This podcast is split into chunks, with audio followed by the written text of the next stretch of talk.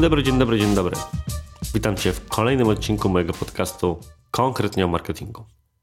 Ponownie powracam do Ciebie z tematem powiązanym z Facebookiem, konkretnie z ekosystemem reklamowym Facebooka. Natomiast dzisiejszy odcinek będzie, i pozwolę sobie użyć słowa, z którym tak często walczę na szkoleniach z copywritingu, nie tylko, specyficzny. Dlaczegoż? Dlatego bowiem, że poruszę, myślę, że dość zaawansowany temat związany z potencjalnym testem, jaki możesz przeprowadzić, aby zwiększyć skuteczność swoich kampanii.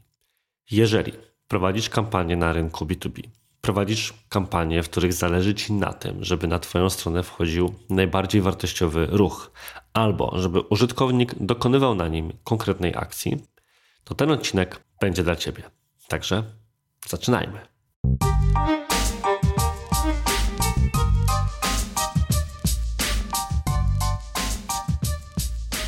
Na podstawowym poziomie, kiedy człowiek zrozumie już, w jaki sposób działają cele reklamowe na Facebooku, to cały ekosystem wydaje się prosty. Ok, jeżeli chcę większą liczbę aktywności w mediach społecznościowych, to wybieram przycisk aktywność. Jeżeli chcę ruchu na stronie, wybieram ruch. A jeżeli chcę sprzedawać albo generować konwersję, na przykład zapytania na stronie internetowej i tak dalej, to właściwą rzeczą, po którą muszę sięgnąć, są właśnie kampanie na konwersję albo sprzedaż z katalogu. Oczywiście, im dalej w las, tym więcej drzew i tym więcej problemów się zaczyna. Ba, na łamach tego podcastu, o ile w ogóle w przypadku podcastu można mówić o łamach. Jeżeli wiesz, o czym się mówi w kontekście podcastu, daj mi znać wiadomości prywatnej. W każdym razie w jednym z poprzednich odcinków, a nawet w kilku odcinkach, mówiłem o tym, w jaki sposób działa optymalizacja facebookowa.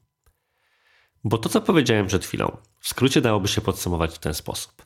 Zależnie od tego, jaki cel reklamowy wybierzesz, to algorytm reklamowy Facebooka i Instagrama spośród wszystkich użytkowników Twojej grupy docelową, jaką sobie ustawisz, wybierze te osoby, które z najwyższym prawdopodobieństwem zrealizują Twój cel. Sęk w tym, i to jest właśnie wniosek, który pojawiał się wielokrotnie na łamach tego podcastu, że algorytm do poprawnego działania potrzebuje danych. A tych danych może mieć za mało. Mówi się, w zależności od źródła, że potrzebuje 20, 50, 100 tak zwanych zdarzeń. Najczęściej padającą odpowiedzią i też najbliższą oficjalnym źródłom jest ta, która mówi o 50. W przypadku kliknięć jest to 50 kliknięć. W przypadku konwersji będzie to 50 konwersji i mówi się o skali tygodnia. Jest to powiązane m.in. z fazą uczenia się, która była głównym tematem jednego z poprzednich odcinków. A o tej optymalizacji i jak ją obejść w kontekście kampanii sprzedażowych, również jakiś czas temu już mówiłem, kiedy opowiadałem właśnie o tym, jak sklepy internetowe z mniejszą skalą albo firmy, które mają mniejszą skalę, mogą sobie poradzić z generowaniem sprzedaży właśnie za pomocą celu konwersji, jeżeli nie mają tej wystarczającej liczby zakupów czy konwersji innego typu, żeby tych zdarzeń i do optymalizacji było wystarczająco wiele. Sęk w tym, że problem może dotyczyć jeszcze wielu innych rzeczy. Bo jeżeli zacząć się nad tym zastanawiać, to kampanie na ruch, w świetle tego, co powiedzieliśmy przed chwilą, stają się strasznie problematyczne. Ponieważ ich optymalizacja de facto domyślnie kończy się w momencie kliknięcia. Jeżeli na stronie nie mamy piksela Facebooka, albo sama kampania jest optymalizowana pod tak zwane właśnie link kliki, czyli kliknięcia, to algorytm nie będzie patrzył na to, czy użytkownik coś na stronie zrobi, czy też nie. Rozwiązaniem tego jest metoda optymalizacji, która, jeżeli korzystasz z piksela Facebooka na swojej stronie, jest de facto metodą domyślną, czyli wyświetlenia strony docelowej. Wówczas Facebook bierze pod uwagę, czy użytkownik, który ląduje na Twojej stronie z Facebooka, Instagrama czy pochodnych, spędził tam co najmniej 3 sekundy. Czyli czy strona mu się wczytała i chociaż tam zajrzał. Tyle, że czy to dla nas dalej wystarczające?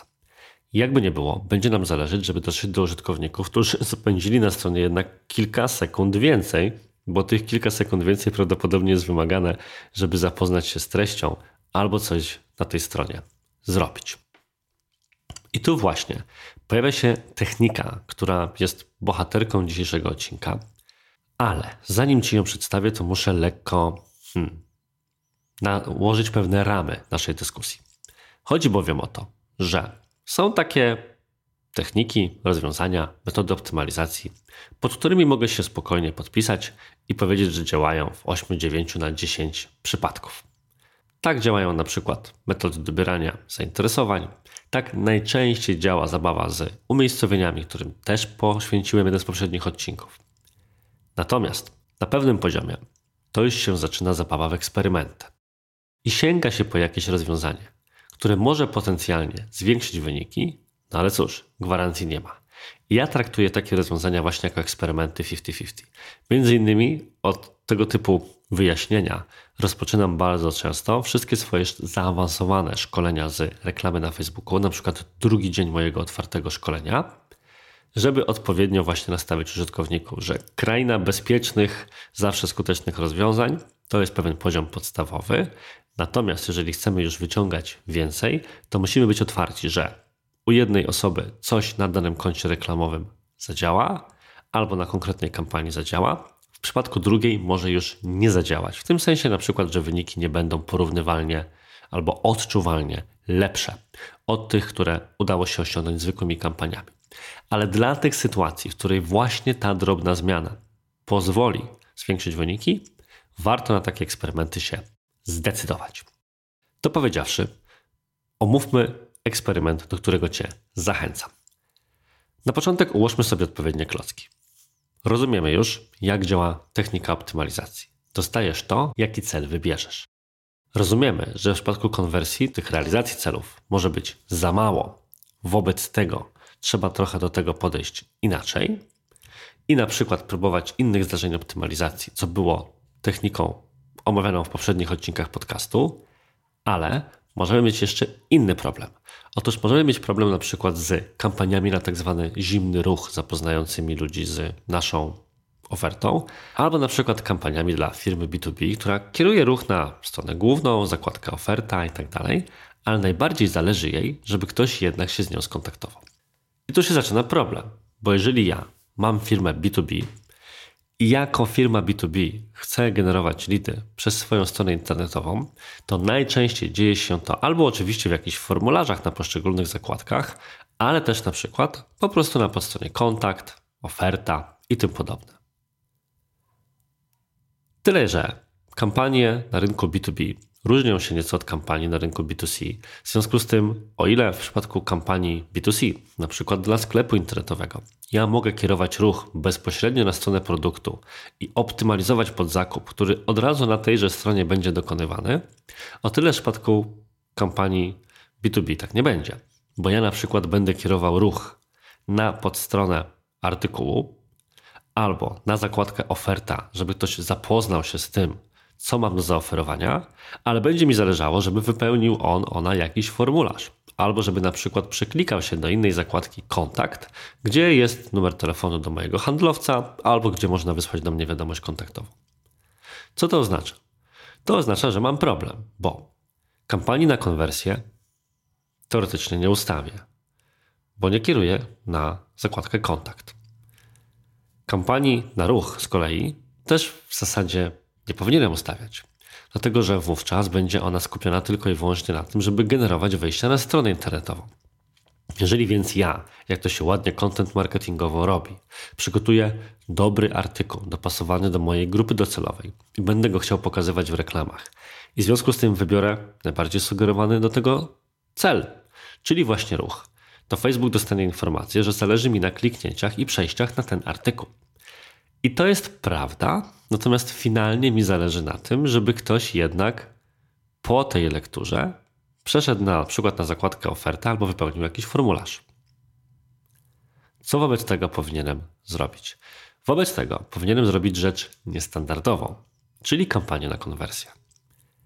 Kiedy omawiałem w odcinku o tym, jak poradzić sobie ze zbyt małą liczbą zdarzeń optymalizacji, potencjalne rozwiązania, to mówiłem na przykład, że Zamiast optymalizować kampanię na konwersję, możemy się cofnąć o krok i optymalizować ją na przykład na dodanie do koszyka, nawet wyświetlenia strony produktowej, a czasami nawet po prostu na kliknięcia linku. I biorąc pod uwagę samą skalę, którą uda się wygenerować na przykład na kartach produktowych, można dzięki temu sprzedawać więcej. W tym konkretnym wypadku proces jest odwrotny. ja chcę generować wejścia na stronę, ale z uwagi na to, że chcę, żeby to były wejścia wysokiej jakości, tak to nazwijmy, to ustawię sobie, uwaga, uwaga, kampanię na konwersję. Będzie więc to kampania, której celem są, moim celem są wejścia na stronę, ale Facebookowi jako zdarzenie optymalizacji podamy inny cel. No i teraz pojawia się pytanie, co to ma być za cel? Sprawa jest całkiem prosta. Opcji jest kilka. Pierwszą, od której sugerowałbym zacząć nasz eksperyment tudzież test, to po prostu zdarzenie optymalizacji, którym jest na przykład wypełnienie formularza. Ten formularz nie musi być na tej samej podstronie. Bo co się wówczas zadzieje?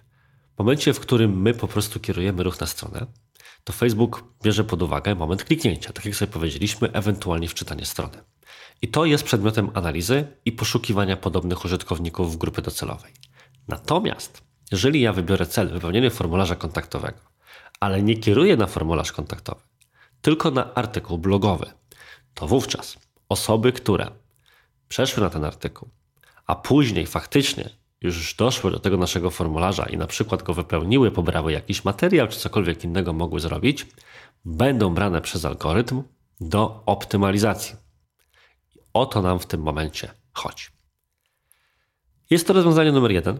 Samo w sobie może się od razu sprawdzić, dzięki temu sprowadzać wyższej jakości ruch na naszą stronę internetową. Natomiast potencjalnym problemem będzie oczywiście to, że takich ludzi też może być mało. Co wobec tego innego możemy zrobić? Wobec tego możemy zrobić inną rzecz. Oprócz zwykłych konwersji, zwykłych w rozumieniu takich, na których nam zależy, czyli na przykład zakupu, wysłania formularza, kliknięcia w numer telefonu itd., tak możemy jeszcze na Facebooku konfigurować własne konwersje, tak zwane custom conversions, konwersje niestandardowe. Przeważnie tworzy się je na przykład do tego, żeby być w stanie odróżnić poszczególne formularze na stronie internetowej między sobą. Bo jeżeli mam na przykład formularz ofertowy na zakładce oferta, ale mam go również na zakładce kontakt i jeszcze pod artykułami blogowymi, to chciałbym móc sprawdzić bezpośrednio na Facebooku, który z nich jest wypełniany częściej.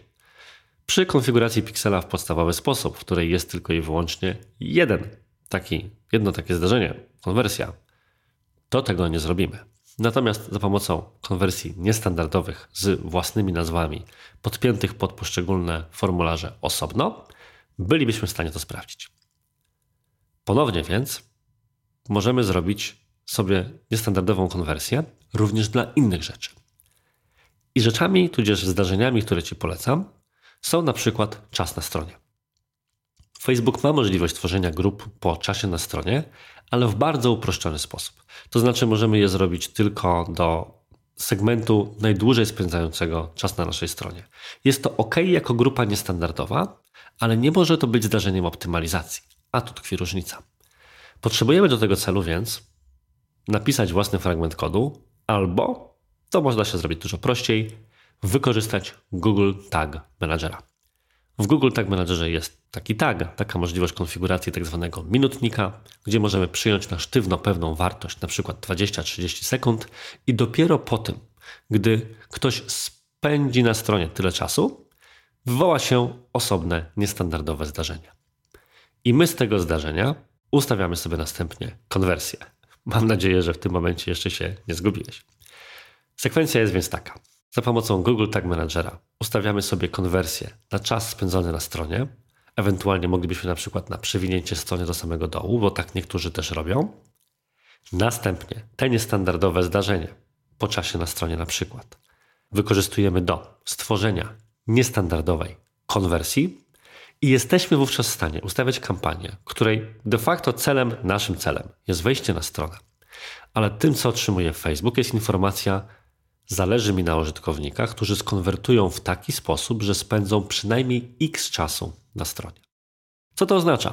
Puszczam sobie następnie tak skonfigurowaną kampanię na konwersję na swój artykuł blogowy i wówczas Facebook na bieżąco sprawdza, czy osoba, która weszła na stronę, spędziła na tym artykule trochę czasu, więc prawdopodobnie go przeczytała, czy wpadła i wypadła. Gdyby to była zwykła kampania na kliki, nie byłoby to dla systemu zbyt dużą różnicą. Ale ponieważ ja optymalizuję pod konwersję, to każda kolejna konwertująca w ten sposób osoba, czyli po prostu czytająca tekst, sprawia, że więcej osób będzie wchodziło na konkretny artykuł z celem, żeby go rzeczywiście przeczytać, czyli spośród naszej grupy docelowej system będzie szukał właśnie takich ludzi. I od tyle. 15 minut tłumaczenia dla całkiem prostego wniosku, na czym ma ta kampania na konwersję działać. Myślę, że to jest ten typ odcinka, który prawdopodobnie dobrze byłoby odsłuchać dwa razy. Za pierwszym razem, żeby stwierdzić, co ten Jabłoński opowiada, przecież to nie ma prawa tak działać, a za drugim razem, żeby stwierdzić, ok, dobra, to o to mu chodziło. Więc zdaję sobie sprawę, że może to być z Twojej perspektywy odcinek dla osób bardziej zaawansowanych. Takie również staram się tworzyć i daj znać, czy chciałbyś posłuchać o większej liczbie tego typu technik, którymi dzielę się właśnie wtedy, kiedy już ktoś naprawdę zna się na menadżerze reklam i trzeba znaleźć jakąś zaawansowaną taktykę, którą można na jego koncie reklamowym jeszcze przetestować. A na dziś to wszystko. Bardzo dziękuję Ci za uwagę. Do usłyszenia w kolejnych odcinkach i cześć!